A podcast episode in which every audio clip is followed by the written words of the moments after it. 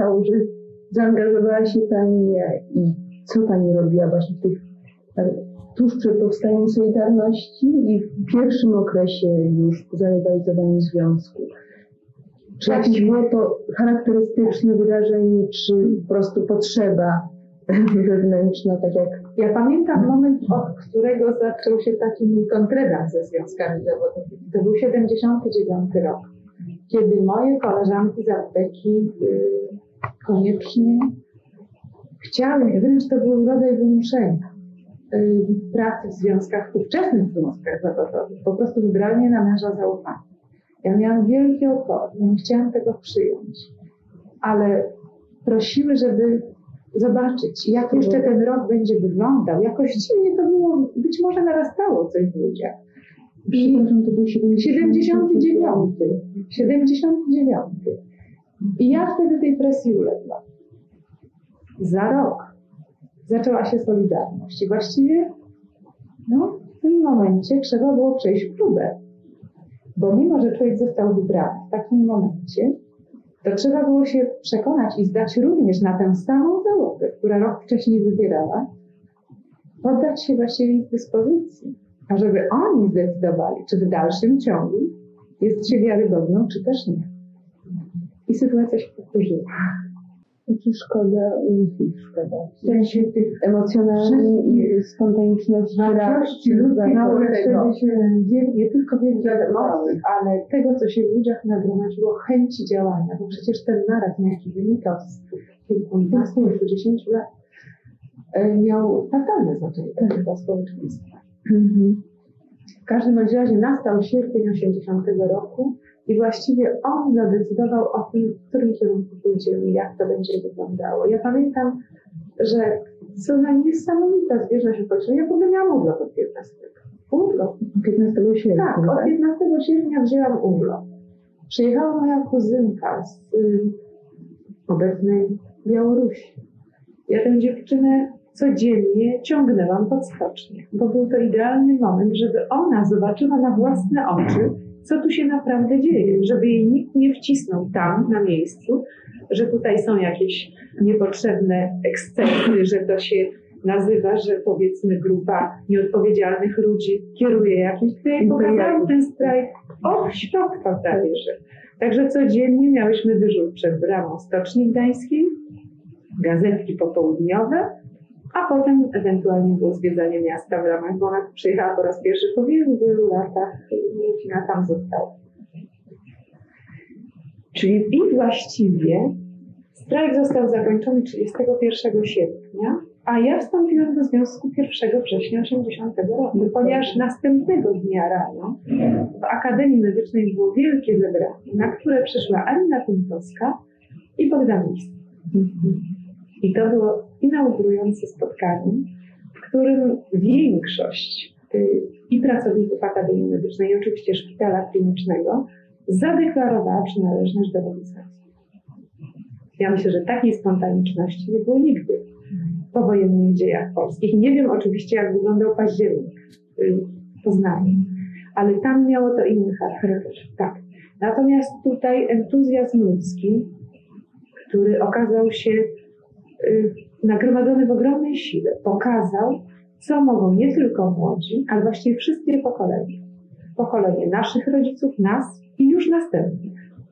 Bo już myśmy wybierali na następne mhm. pokolenie. Tak. I to była rzecz no, niewiarygodna. To, to było coś takiego, jakby rzeczywiście powstawał Sfinks z popiołu w znaczeniu moralnej odnowy. Dobrze, ty działałaś no właśnie, w związku z tym, że zapisałam się już 1 września 1980 roku, powołana została komisja zakładowa Szpitala Klinicznego i Akademii Medycznej. I oczywiście rozpisałam wybory, no bo pierwsza rzecz, którą należało zrobić, to zorganizować się już formalnie. Dotychczasowa działalność była przecież nielegalna. Wobec tego wszystkie jakiekolwiek związane z tym sprawy powinny były ulec już przetworzeniu, przeobrażeniu i zalegalizowaniu, prawda? No i ja myślę, że ponieważ była grupa znakomitych kolegów w Akademii Medycznej w szpitalu, świetnie zorganizowanych, zresztą przy NKZ-cie również. Taka duża grupa? Tak, spora. Spora. Jak tu się e, dużo było pań w stosunku do, do, do Ja myślę, że w szpitalu generalnie przeważają panie. Większość zdecydowanie była pani. Ale ja myślę, że jeśli chodzi o działalność związkową, to była to sprawa wyrównana. Chociaż nie jestem pewna, czy jednak większość nie stanowiły panie.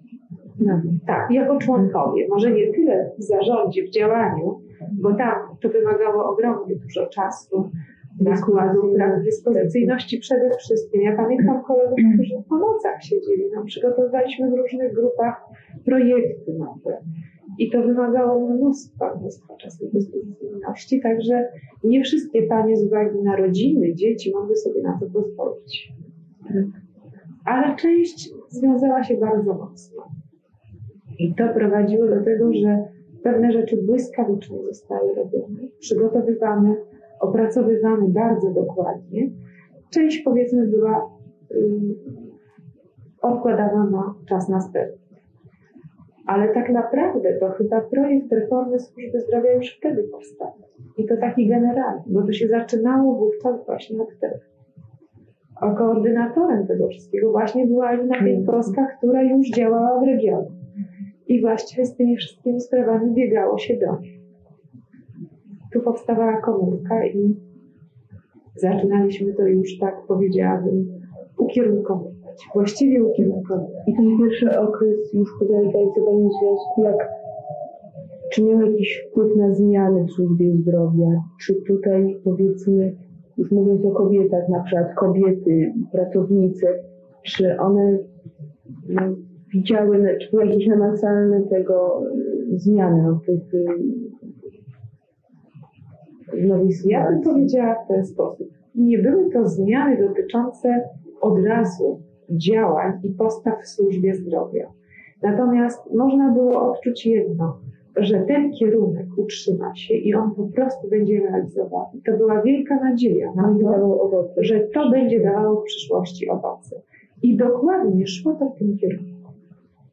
I ja myślę, że gdyby nie stan wojenny, który rzeczywiście pozbawił nas wszystkiego, zniszczył nas totalnie, totalnie w sferze psychiki, nadziei, jakichkolwiek planów na przyszłość, perspektywicznych planów na przyszłość, to tak naprawdę to wszystko wyglądałoby zupełnie inaczej.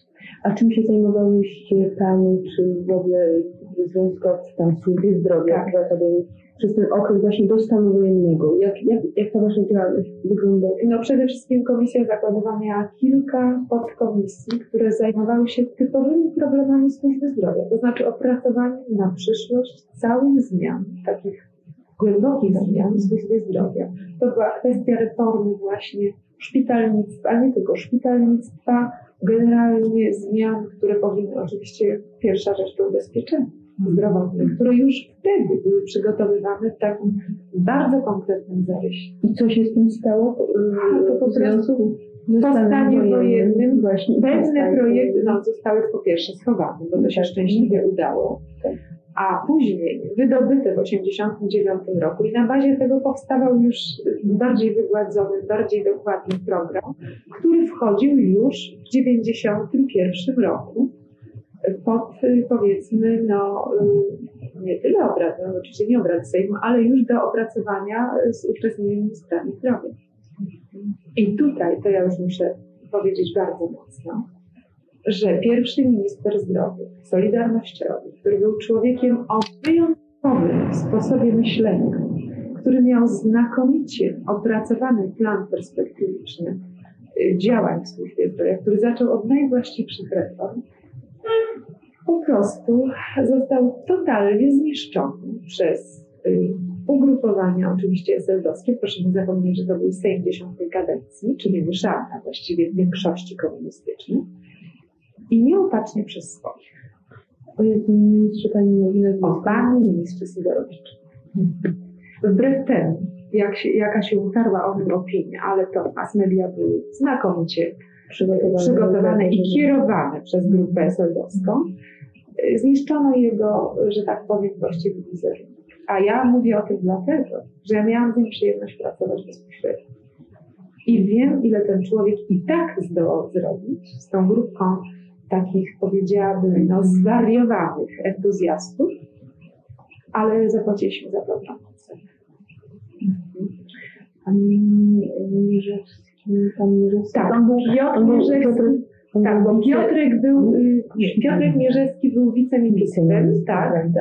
i w zasadzie on już zaczął od... To był za, za, za czasów... y, Tak. Piotr Mierzewski był wiceministrem od 89 roku. On już był w rządzie Mazowieckiego. Myśmy przyszli już do rządu Bieleckiego. Myśmy byli tańczką wylepszamy rządu Bieleckiego. Także Piotr zaczynał wcześniej. Ale tam była tylko trójka ludzi z Solidarności. To był Piotr Mierzewski, to była Anna Grzymisławska i Krystyna Sienkiewicz. W pierwszym okresie, czyli y, w czasie strajków sierpniowych, Pani była już po studiach? Tak, tak. Ja była Pani mężatką? Nie, ja nie jestem mężatką do dzisiaj. Aha, właśnie chciałam się zapytać Nie. o to, W jak... związku jak z tym moje zaangażowanie mogło być pełne, bo ja rzeczywiście Właśnie miałam chciałam się zapytać- swobodę działania. tak, I powiedzmy nie tylko przez pierwszy okres powstania Solidarności, ale i cały okres y, stanu wojennego. Mhm. To dawało mi naprawdę znakomitą swobodę i możliwość działania tak jak chciałam. niewątpliwie, bo tak jak opowiadała Pani Ameryka, prawda? Tak. Jeżeli się miało tą rodzinę, miało Tak. się dzieci małe, to to No, powodowało... miałam możliwość, żeby powiedzmy komuś innemu pomóc, ale ja już działałam na tak swobod, w takim swobodnym układzie, że nie musiałam się powiedzmy ani kontrolować, ani być y, związana wtedy z domem, bo już wiedziałam, że tym swoim własnym czasem mogę dysponować. A Pani koleżanki, jest osoby, które z Panią współdziałały bezpośrednio, które powiedzmy miały jakieś rodziny, jak, jak, jak one to wszystko odbierały, jak, jak mi się to układało, no właśnie, jak one to wiązały, łączyły razem z tym życiem rodzinnym, czy dziećmi, jeżeli takie były. Ja bym powiedziała, że to wyglądało w ten sposób. Mając rodzinę, pełną rodzinę, one zajmowały się wówczas pracą związkową tylko w częściowym wymiarze, ale były cudownie pomocne, dlatego że pewne rzeczy układały sobie tak, że każda w innym momencie mogła przyjść z pomocą. To jak powstawało koło, czy też komisja zakładowa, to one wówczas włączały się na pewnych odcinkach, na pewnych etapach, ale naprawdę chciały w to wchodzić i to było autentyczne. A resztę części poświęcały, czy czasu poświęcały po prostu własnemu domowi. Mhm. I może nie było tego pełnego zaangażowania. Nie było już powiedzmy przysłowiowych nasiadówek nocnych, tak jak nam się to zdarzało, kiedy no, nie musieliśmy się specjalnie troszczyć o to, czy ktoś tam na nas czeka w domu i no, w związku z tym wracało się do pustego domu, a niejednokrotnie do domu autentycznie pustego, bo ja sobie przypominam momenty, kiedy wracałam i w zasadzie byłam bez zaopatrzenia, no bo już było za późno, a proszę sobie przypomnieć, jakie to były czasy. Kartki przede wszystkim, to jedna rzecz. Wykupić cokolwiek nie było. Trzeba ciągle przypomnieć, bo, Tak, bo, tak, bo tak. zapominamy. A jak dalece, to ja pani powiem, jak dalece, dlatego że ja zrobiłam test rok temu i zapytałam moich przyjaciół, czy pamiętają, jak długo były kartki w Polsce. Z moich najbliższych, działających przyjaciół, ani jedna osoba nie odpowiedziała prawidłowo. Wszyscy uznali, że kartki były w granicach 5 do 6 lat. Nieprawda, były 10 lat. W 76 się zaczęły A ostatnia kartka właśnie skończyła się na cukier. Który?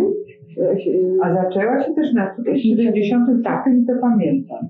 Ale nie, nie, Skończyła to więcej w takim razie. Nie, bo ja myślę, że kartki zostały wprowadzone w 80 roku. Ale na cukier już w 76 To możliwe. To pamiętam, że bardzo A skończyły, a skończyły się w 9. A potem 89. doszły wszystkie inne. Tak, Mydłem, tak.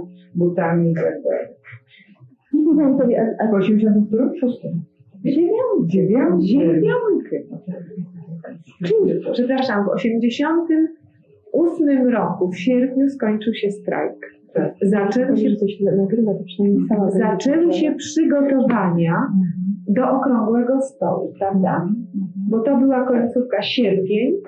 Yy, przez jesień było przygotowanie, a w 89, dobrze mówię, czy, czy pomyliłam? 89. Dobrze, a w 89 marzec, kwiecień był okrągły stół. Także w 89 roku skończyły się kartki na cukier, zaczęły się w dzie- 80, 90, nie, 89 w kwietniu obrady okrągłego stołu, kwietniu zostały skończone i już właściwie zaczynało się przygotowanie do reaktywacji związków, za, reaktywowania związków zawodowych. Mają Pamiętam, Weź, tak, właśnie. Tu już związki zaczynały w maju pracować jako zespół administracyjny, natomiast jesienią, październik, listopad, nie pamiętam dokładnie daty, były wybory, ponowne właśnie wybory.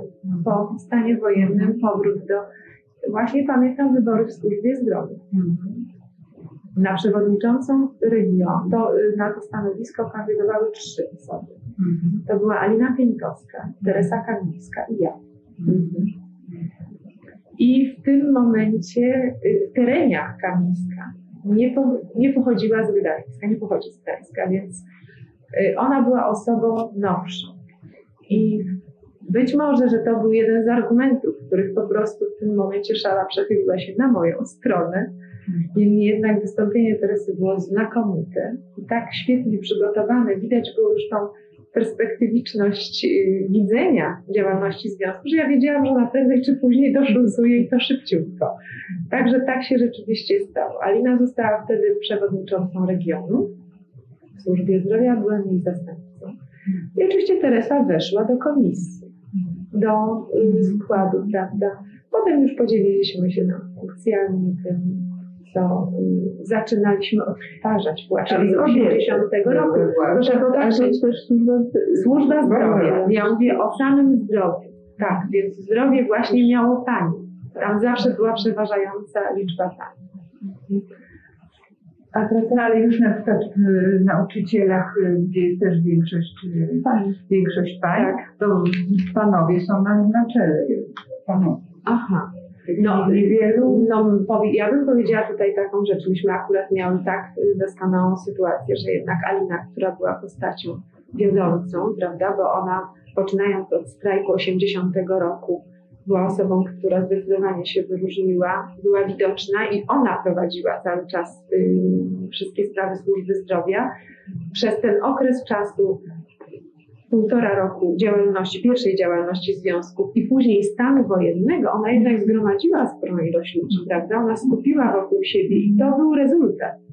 To był rezultat. Panów było też bardzo dużo, niemniej jednak oni mieli powiedzmy inne funkcje, a w tym momencie w 1989 roku y, po prostu panie wzięły górę.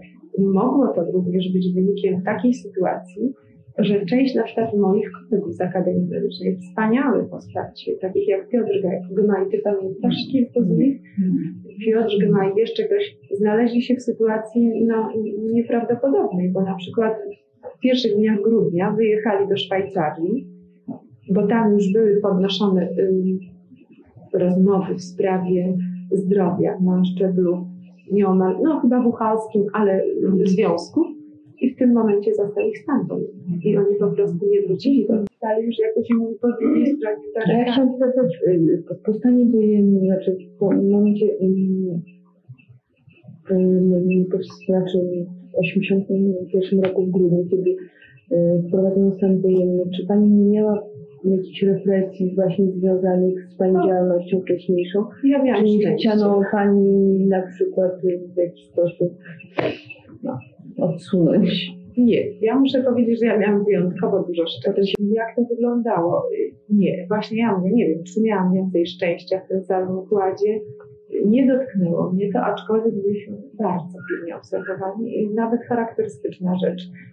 W momencie, kiedy nastaje stan wojenny, jest okres Bożego Narodzenia. Mamy w Akademii Medycznej przywiezionego, jak się nazywał ten pan z Bydgoszczy? Królewski? Nie, nie, nie, nie, Rulewski, nie. Ja wiem, Ty wiesz, o ten- kogo chodzi. Ten z roli, roli. Nie, nie, Bartkowicze? nie, nie Nie, ten nie taki, Mikołaj. którego, którego bili, tak? Tak, tak, tam leżał u nas na kardiologii. Ja wiem, ja wiem, ja nie. I proszę sobie wyobrazić, każde piętro obstawione y, żołnierzami i milicją z karabinami, śle- nie ze ślepymi, tylko z prawdziwymi ładunkami. Trzeba się do niego dostać na oddział, na ostatnie piętro, przekazać mu informację za pomocą tytułu książki albo czegoś innego. Zosia Cholewina w tym celowała, a my z nią. Ubek w pokoju Tak, tak. pielęgnianek, prawda? Przed pokojem. Udało się, za każdym razem się udało. Ona szła jak Jakoś szczęśliwie, tak, jakoś szczęśliwie nie, przysłowiowo nie czepiano się. Być może, że ja może to jednak i pozycja zawodowa troszkę dawała takiego oparcia, ale pilnowani byliśmy nieprawdopodobnie. Zrobiliśmy zebranie po ogłoszeniu stanu wojennego. 20 osób było na, 20 nie jeszcze, przepraszam, 15 osób było na zebraniu. Wszyscy podpisaliśmy protest i podpisaliśmy podłączenie się do strajku stoczniowego. Dwie osoby, Andrzej Chorosiński i Jurek Umiastowski, zabrali po, każdy po jednej liście. Myśmy się wszyscy rozeszli i po czym oni obydwaj wpadli. Czyli wiadomo, że ktoś wśród nas po prostu. Tak. Y, Ja nie mówię o tym, jak wyglądały kolejne noce, bo co się zatrzymał samochód, a wiadomo, że nic nie jeździło przed domem. To włosy stawały troszeczkę dęba, ale się udało, mówiąc krótko. Coś się okazało. Jeden z nich połknął kartkę, czyli nie dostała się w ich ręce, a drugi przez przypadek miał dziurę w potrzebie. I też spadło i nie znaleźli tej kartki. Czyli mówię, mieliśmy dużo szczęścia. No ja mówię, chyba opatrzność czuwała. Tak, opatrzność czuwała, bo to się nie... Cała piętnastka tu siedziała. Nie było szans na to, żeby... Znaczy piętnastka, czternastka, no ale nie wiemy do dzisiaj. Tego nie wiemy do dzisiaj.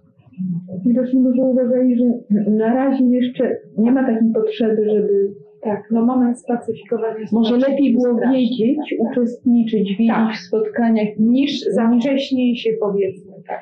Wiesz, to tak samo junior jak i Pietku Zdzisław, który był w naszym środowisku i który, wiesz, był łącznikiem i Tak. Borusewicz, i Lis, i, i, i Darek, i Olek, i, i całe mnóstwo różnych ludzi. On chodził, przecież on, on był już radio, znaczy jak się Tak. potem okazało, że jest. A to ja wiem, o co chodzi, wiemy. Junior. No w każdym razie taka postać tak I wiesz, że żeśmy się zastanawiali potem, dlaczego oni w takim razie nie zwinęli, no ale po co? Nie, i było lepiej. Tak, dozorem. oni mieli pod dozorem, mieli pewną informację. I co ciekawe właśnie, y, ja nawet chyba wiem, to bardzo usilnie obserwował nas na terenie szpitala i akademii. Natomiast muszę powiedzieć, że jeśli chodzi o, o wspomnianą tu panią rektor, wyjątkowo w tym momencie pasywnie się zachowywała. Pasy poza tym, że tamte osoby, i to nie na jej y, właśnie polecenie, tylko odgórne. Mhm. I to jakby zostało wykonane. To nie jest, powiedzmy, y, nie wynika to z chęci jej obrony, tylko stwierdzenia faktu, ja rozumiem, ponieważ ja tam tak, byłam na tak, miejscu, tak. ja to po prostu wszystko obserwowałam i widziałam. I potem jak przyszło do okresu y, powrotu, powiedzmy w przypadku Piotrka, przyjęła. Bez, Piotrka Dyka? nie, Piotrka Mierzewskiego, Piotrka Mierzewskiego. Ja ten moment też pamiętam, bo byliśmy bardzo ciekawi, jak to się wszystko rozegra. Tymczasem ona nie mrugnęła okiem i po prostu go przywróciła do pracy. Ja też słyszałam o pewnych jakichś później, ona zdaje się do jakiegoś takiego nawrócenia. To znaczy nie, to było takie działanie. Tak. Ona wiedziała, że Piotr jest dobrym fachowcem. Tam też był potrzebny. Może uznała, że ten moment jest dla niej na kontakt ze studentami, przecież Tak, to było takie tak. niebezpieczne, ja pamiętam z tamtych czasów, Tak. nasi, nasi koledzy, którzy, lekarze, którzy coś tam robili oprócz tego, a, i pracując w Akademii Medycznej mieli kontakt właśnie z młodzieżą, w związku z tym staramy się ich jednak no, odsunąć, przynajmniej od zajęć, od prowadzenia, a jeżeli nie właśnie z pracy. Dobrze, ale wracając jeszcze do, do tych pierwszych lat y, Solidarności. Jak, jak Pani ocenia rolę właśnie kobiet, jeżeli mówimy tu o kobietach? Może być inny Ja, ja twierdzę, że była ogromna. Ja myślę, że Jak one rolę pełniły? Czy to była taka y, rola y, takiego dopełnienia do, do Nie mężczyzn? tylko. Czy to Nie, nie, nie, nie, jak właśnie nie. Ja uważam, że to nie było żadne Nie. dopełnienie, że kobiety po prostu działały zupełnie indywidualnie wychodziły ze swoją działalnością, ze, swoją, ze swoimi koncepcjami.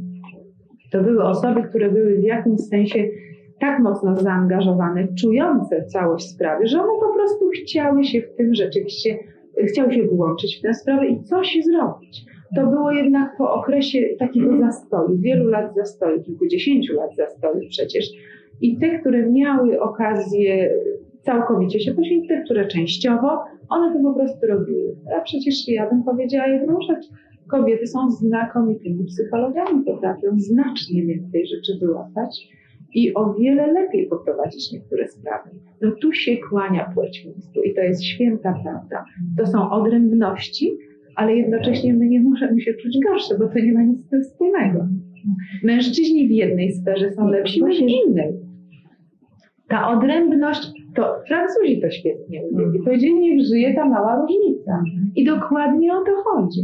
Każdy z nas jest inny, niemniej jednak w pełni wartościowy, pełnowartościowy. Uzupełniania, ale to Tak. nie jest tak, że kobieta dopełnia, Nie, tylko nie. Ona jest, ona, ona jest swoją, znaczy, powiedziałabym inaczej, jest indywidualnością w swojej ścieżce, a mężczyzna w swojej. Tak. To jedno z drugim nie ma nic do rzeczy. To nie ma żadnej podległości, zależności. I Absolutnie. dlatego tak, na przykład służba zdrowia, szkolnictwo, opieka społeczna leży, dlatego że to są domeny bardziej kobiet, Tak. a facetów domeną może, mogą być finanse, Dokładnie. ekonomia, I coś to jest takiego. prawda, bo jest stwierdzone właśnie, że mężczyzna potrafi inaczej patrzeć, bardziej szerzej, powiedzmy Tak, pod kątem ekonomicznym. Kobieta ma inne spojrzenie. Chłodniej mężczyzna. I chłodniej, bardziej wykalkulowanie, bardziej tak powiedziałabym od linijki do linijki. Kobieta ma więcej ciepła, potrafi spojrzeć pod innym kątem i tym samym osiąga lepszy rezultat.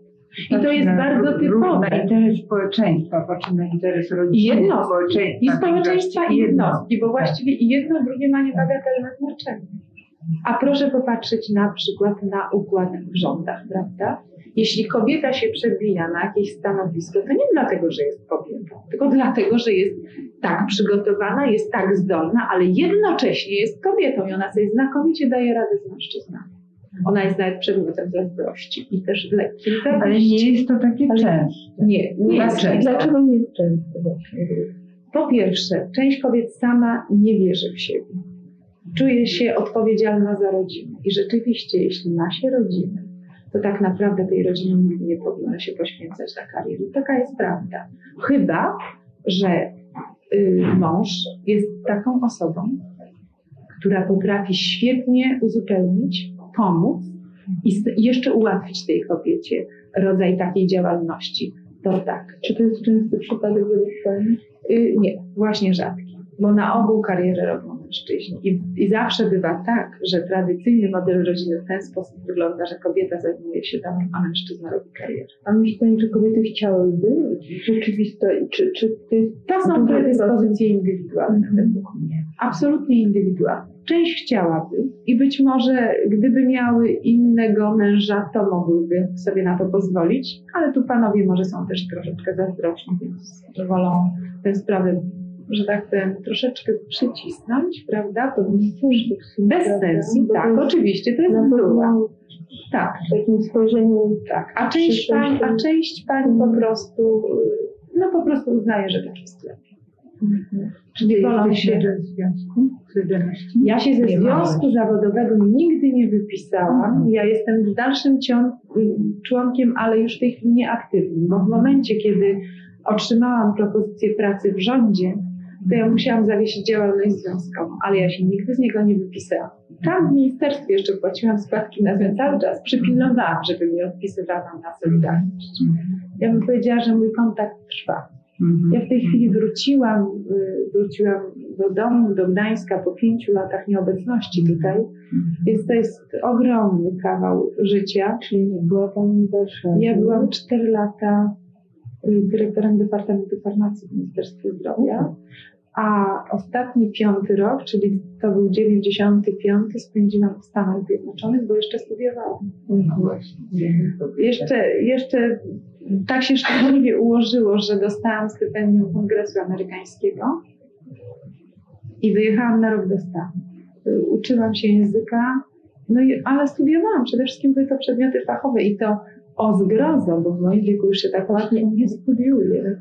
To, były przedmioty, których nigdy w życiu nie uczyłam się po polsku. Mhm. To była ekonomia i, i polityka publiczna. I to pan, pan Amerykański. Tak, po amerykańsku. Ja muszę powiedzieć, że zapłaciłam ogromną cenę za to zdrowiem, ale warto było. Warto. Warto było, z tym, że mam wyraźny niedosyt znajomości angielskiego. Rok czasu to zakrytko. To znaczy ja, ja już przez ten rok pobytu w kraju, bo już jestem rok w kraju, Mhm. y, już stwierdziłam, że strasznie mi ucieka, ale y, znajomość języka amerykańskiego, ale jeszcze jest coś takiego cudownego jak kablówka, czyli CNN, przynajmniej CNN codziennie, wiadomości, a jak mam natchnienie, to film na TNT. Klasyczny, stary, dobrą angielszczyzną, amerykańskim takim pięknym językiem. Czy uważa Pani, że to, czego Pani się nauczyła właśnie czy na przykład w Stanach Zjednoczonych, czy ten okres pobytu w ministerstwie, czy, czy to Pani w tej chwili może wykorzystać w jakiś sposób, na przykład ten pobyt w Stanach? Y, To, czego nauczyłam się w ministerstwie, bardzo mi pomogło w Stanach, dlatego że ja, mając tę wiedzę, mogłam sobie przygotować tam też odpowiedni rodzaj materiałów, y, zajrzeć w to, co mnie interesowało. Natomiast po powrocie okazało się, że moje stanowisko jest zajęte, że pan minister Żachowski już się zabezpieczył. Tak to można nazwać. Y, I stwierdziłam, że y, w tym układzie, po podniesieniu jeszcze swoich kwalifikacji, ja się na żadne stanowisko niższe zgodzić nie mogę. No to jest chyba logiczne. W związku z tym uznałam, że skoro władza jest w innych rękach, to ja wracam do domu. Sprawa jest dla mnie jasna i wróciłam do Gdańska. Czyli w tej chwili uważa Pani, że ta wiedza, którą Pani posiada, mogłaby być lepiej wykorzystana? Tak, ona na szczeblu ministerstwa mogła być zdecydowanie lepiej A czy to wykorzystana. kobieta Panią zastąpiła? Nie, mężczyzna. Właśnie, że mężczyzna. To jest bardzo charakterystyczne. To jest bardzo charakterystyczne. No ale to tak widocznie miało być. Ja natomiast wracam do tego, bo to się już zaczyna, prawda? Wróciłam tu. Wróciłam do pracy, oczywiście w tej dziedzinie, tylko już teraz potraktowanej wybiórczo, bo nie tak szeroko jak w ministerstwie, ale zajęłam się gospodarką lekiem i właśnie ten ośrodek daje mi takie możliwości i ja mogę wykorzystać to, czego się nauczyłam tam, tylko w mniejszym zakresie. Tak bym to określiła. Może jeszcze zapytamy Panią, a jak, jak Pani uważa, czy jest wystarczająca ilość re, em, reprezentantek kobiecych e, w związkach zawodowych, czy w parlamencie, Solidarności. w Solidarności? No, ogólnie i oczywiście w innych instytucjach. Powiedzmy tak, że oczywiście na siłę nikt nikogo nie będzie do takiej działalności zmuszał, ale jeśli znajdzie się pewna grupa pań, która nie tylko zaangażowaniem, przygotowaniem będzie chciała w te rzeczy wchodzić, to powinni, jak najbardziej powinni. Być może będą to panie, które już mają odchowane dzieci, są w wieku, w którym mają również pewną wiedzę, bo to zwykle ma swoje znaczenie i one powinny rzeczywiście się poświęcić takiej pracy. Ja uważam, że każda z kobiet y, powinna w takim układzie, mając jakiekolwiek predyspozycje do działalności związkowej, społecznej, powinna się w takie rzeczy jak najszybciej angażować. Ona daje, bo taka działalność daje taką, powiedziałabym, nie tylko komfort psychiczny kobiecie, ale również i zadowolenie. Zadowolenie z tego, że można coś zrobić dla innych. To może brzmi trochę banalnie, ale taka jest prawda. A ludzi dookoła, którzy potrzebują tej pomocy, jest mnóstwo.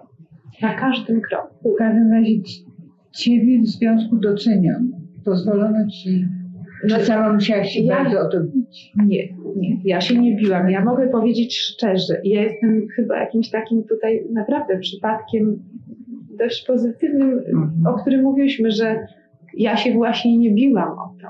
Ja byłam dwukrotnie proszona przez ministra zdrowia o to, żebym to stanowisko objęła i ja dwukrotnie odmówiłam, bo ja się bałam odpowiedzialności, ja uważałam, że nie jestem do tego przygotowana. I proszę sobie wyobrazić, że za trzecim razem zostałam publicznie ustrzelona tu w krajówce w sposób naprawdę zabawny. Czyli, przepraszam, to była ta niewiara w siebie?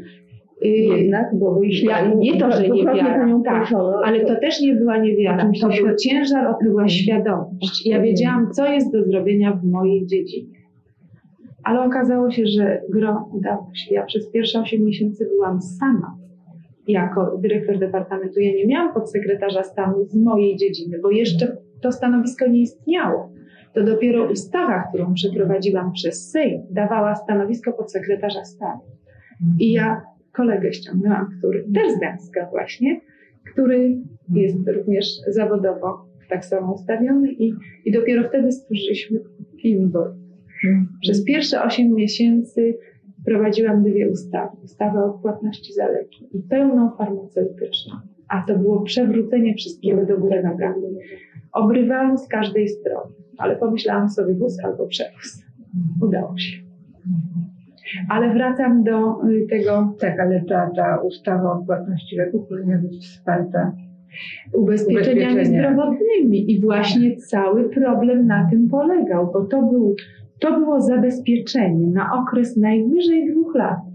Właśnie tak przewidywał minister Sidorowicz, a potem już miała wchodzić zdrowotna i to niestety zostało wszystko potem. Czyli to Tak. tak. wyparzeń ludzi, Nie. czegoś, jakiegoś Tak. elementu brak, Tak, oczywiście. żeby to funkcjonowało tak I wielka szkoda, dlatego dla że z korzyścią. mielibyśmy tę gałąź już uporządkowaną. A tak tak. Tak, a tak to po prostu powstał wycinek, którym te zabezpieczenia, y, właściwie to są takie mini ubezpieczenia zdrowotne w lekach, tylko to zostało. Bo gdyby tego nie było, to właściwie tak albo padłby budżet zdrowia kompletnie, albo ludzie rzeczywiście nie mieliby w ogóle na leki. Nie mogli płacić, prawda? No bo, bo były skrajności tylko. Natomiast trzeba było zrobić rodzaj taki, jak myśmy to określali, protezy. I ta proteza funkcjonuje do dzisiaj. No bo nie ma innego wyjścia. Dopóki nie będzie obudowy w postaci ubezpieczeń zdrowotnych, no to właściwie nie ma o czym mówić. Ale Chciała Pani do czegoś wrócić. A chciałam wrócić do tego ustrzelenia mnie publicznie, bo to było dość zabawne. Ja się właściwie w tym momencie, jak już stało się, to połapałam się, że się dałam złapać. Bo proszę sobie wyobrazić spotkanie krajówki służby zdrowia. Przyjeżdża pierwszy minister solidarnościowy na spotkanie, prawda? Może to od razu z, z latami. e, To był 90 rok, 91 rok. 91. To już było po wyborach prezydenckich. To był yy, początek marca 91 roku. Więc przyjął pan minister Sidorowicz, podsekretarz stanu minister Kapera, jest pan premier Bielecki i w pewnym momencie, oczywiście pyta yy, sala, ludzie ze zdrowia, jak sobie minister radzi, jak porządkuje, bo przecież byliśmy ciekawi trochę, jak to się mówi, nasz człowiek, prawda? I opowiada, że stopniowo takie i takie zmiany przeprowadza, po czym dochodzi do Departamentu Farmacji i mówi, ale największy problem to mam właśnie z tym departamentem, bo do tej pory nie mam kandydata, żeby y, obsadzić ten departament, mimo że tam kolejne osoby były podsyłane, żeby no, jakoś ten kontakt nawiązać, bo może by się nam dał. I w pewnym momencie mówi, jak tak dalej potrwa, to będę musiał ten departament obsadzić lekarzem. No, to raczej mnie ruszyło. Ja złapałam się za mikrofon i mówię, panie ministrze, troszkę dziwne. Bo Ma pan w kraju ileś tam tysięcy farmaceutów i myślę, że mógłby pan kogoś z tego wybrać. A pan minister mówi, ależ ja ponawiam propozycję, pani minister. I w tym momencie ja sobie uświadomiłam, że ja zapomniałam o jednym, że on jest psychiatrą. To był dla niego idealny moment do wykorzystania tego przy tak szerokim gremium. I cichy szept, który poleciał od pana premiera Bieleckiego, na co pani czeka? I właściwie ja no, opuściłam ręce, bo ja, ja już ja byłam bez wyjścia. Krajówka po prostu kładła się ze śmiechu. Tak. I to potem właściwie była kwestia pięciu dni. W piątek pojechałam na rozmowy, a od środy objęłam departament. Tak, zostawiłam wszystko jak się przymiara raptem taka zmiana. I przerażenie troszkę w oczach, bo jednak y, powiedzmy cała procedura administracyjna. Aha, pamiętam jeszcze takie uwagi przyjaciół bliskich, którzy mówili, Boże drogi, ależ będziesz miała niesamowitą, trudną drogę, dlatego że nie znasz prawa administracyjnego. A ja powiedziałam wtedy, ja wtedy to powiedziałam, nie wiem dlaczego, nawet nie umiem sobie tego wytłumaczyć. Mówię, To jest najmniejszy problem, bo prawo się zmienia. I Proszę mi wierzyć, miałam rację. Ja nie wiedziałam, że ja miałam rację już wtedy. Dlatego, że gdybym ja była obciążona znajomością starego prawa, to ja bym brnęła w różne rzeczy. A ja się uczyłam na nowo i od razu wchodziłam bez obciążeń. I to mi ogromnie pomogło. To rzeczywiście. Ale pierwsze momenty były trudne. No proszę sobie wyobrazić na drugi dzień po objęciu y, stanowiska, y, ja muszę być w komisji senackiej z ustawą o płatności za leki. Chociażby taka rzecz, jak umiejętnie się znaleźć tam, pod każdym względem. I tak się zaczęło. Jeden dzień tu, drugi tu i już taka przysłowiowa orka. Ciężka praca, po 18 czasem godzin na dobę. Miałam takie momenty, że budziłam się z zaciśniętymi rękoma. Postanowiłam się nie poddać. Naprawdę. Strasznie ciężka praca. A przy tym, no niestety, ale kobieta na tym stanowisku obrywa. Obrywa. Dlatego, że zdumieni byli dookoła i przedstawiciele zagraniczni, że no takie jakieś tam pięć minut siedzi w kobiecej stroju, a tam powinien być hochsztapler, jak mi to później powiedziano. No, okazało się, że i bez tego można było sobie dać radę. Ale ataki były straszne. Znaczy, tak jak się udawało, to, to, to, to, to się ogólnie wszyscy cieszyli, się a jak cieszyli. były jakieś drobne potknięcia, to, to, to dostawało... Jak coś nie tak, to zaraz były, poszła To ruch, tak, mass media. Z tym, że ja mogę powiedzieć Tak. jedno, miło wspominam. Mas, miałam bardzo dobre kontakty z mass mediami. Nie miałam problemu z dziennikarzami na tyle dobre, że powiedzmy, jeśli chodziło o jakieś bardzo konkretne informacje, to oni po prostu przychodzili do mnie. I to sobie bardzo ceniłam. Dlatego, że y, profesjonaliści, nawet jeśli byli ostrzy, to to dodawało takiego smaku, prawda? Ale każdy argument z jednej czy z drugiej strony był szanowany i brany pod uwagę. Natomiast nie daj Boże, jak przed biletem. To właściwie potrafiłam odesłać. bo Nieprzygotowani, złośliwi, sami nie wiedzieli o co chodzi. Ale ja wiem, że też e, w stanie wojennym bardzo ostro działałaś i bardzo dużo pomagałaś wielu ludziom. Może byś parę słów na ten temat A to ja, ja wiem już o co ci chodzi. To znaczy chodzi o całą działalność w zdrowiu w stanie wojennym, bo był to niezwykle uciążliwy okres i braki, jakie były wtedy w lekach, w odżywkach dziecięcych były nieprawdopodobne.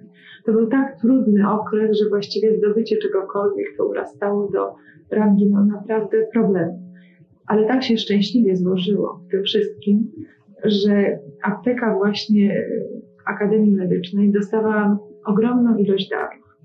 No, tu muszę powiedzieć, że naprawdę bardzo dobrą rolę odegrał ksiądz Jankowski, który był koordynatorem tego. Dostawaliśmy transporty leków.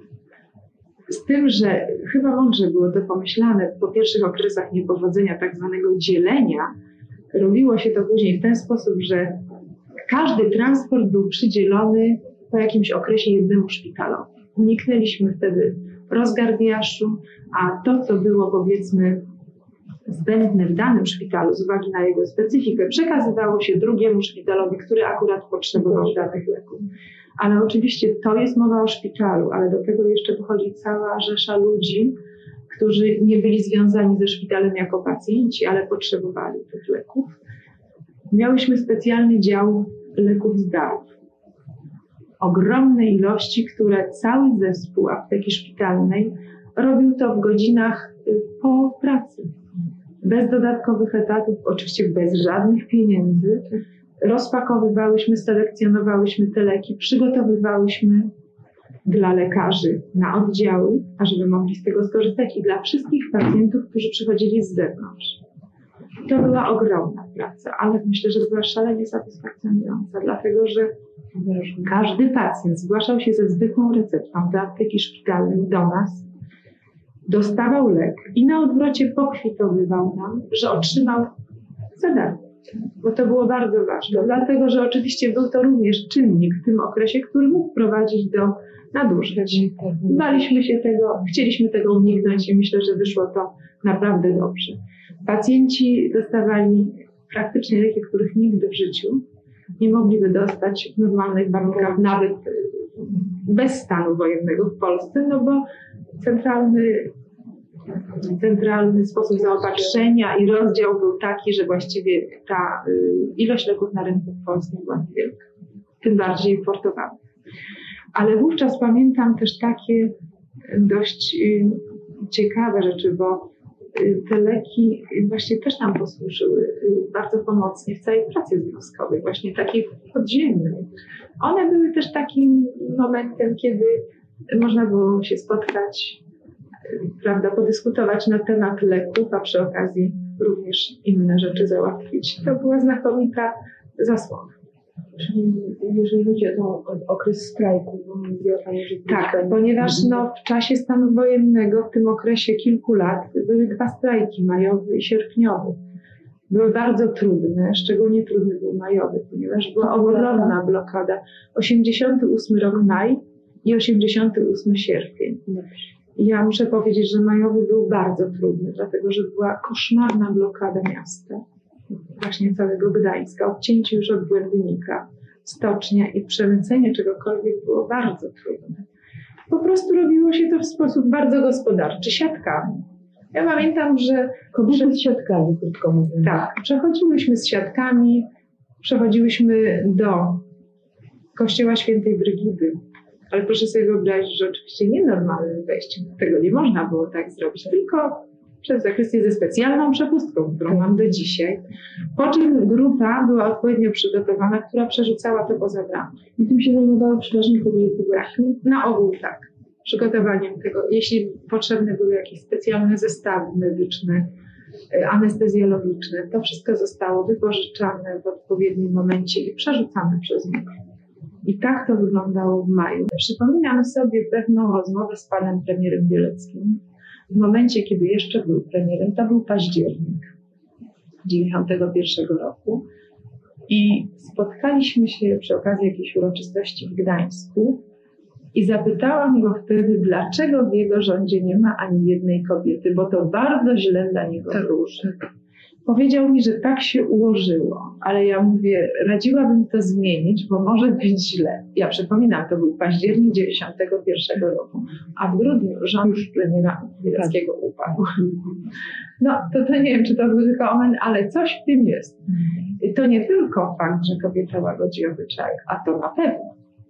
To na pewno. Ale również y, kobieta wnosi inną atmosferę. Jeśli ma wiedzę, to ma rzetelną wiedzę, argumentację spokojną, to zastępuje pewne typowe, ambicjonalne, mocne, ambicjonalne, powiedzmy, starcia między płciami.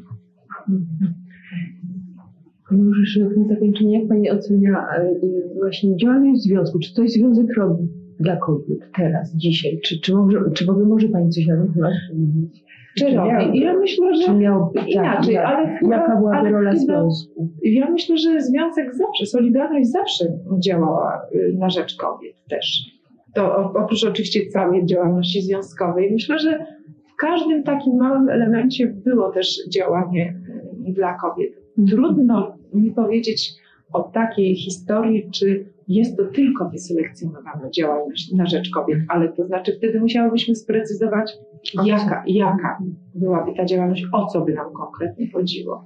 Bo ja jednak wychodzę z założenia, że jeśli kobieta ma predyspozycję, ma do tego wiedzę i możliwości, i chęci działania, to ona naprawdę będzie miała okazję, żeby się wybić. Ale związek jest cudowną sprawą i możliwością podparcia jej. I to jest rodzaj zaplecza, który powinien zawsze Rola. funkcjonować. Tak, tak. Ja myślę, że na tym zakończymy. Dziękujemy bardzo. Dziękuję.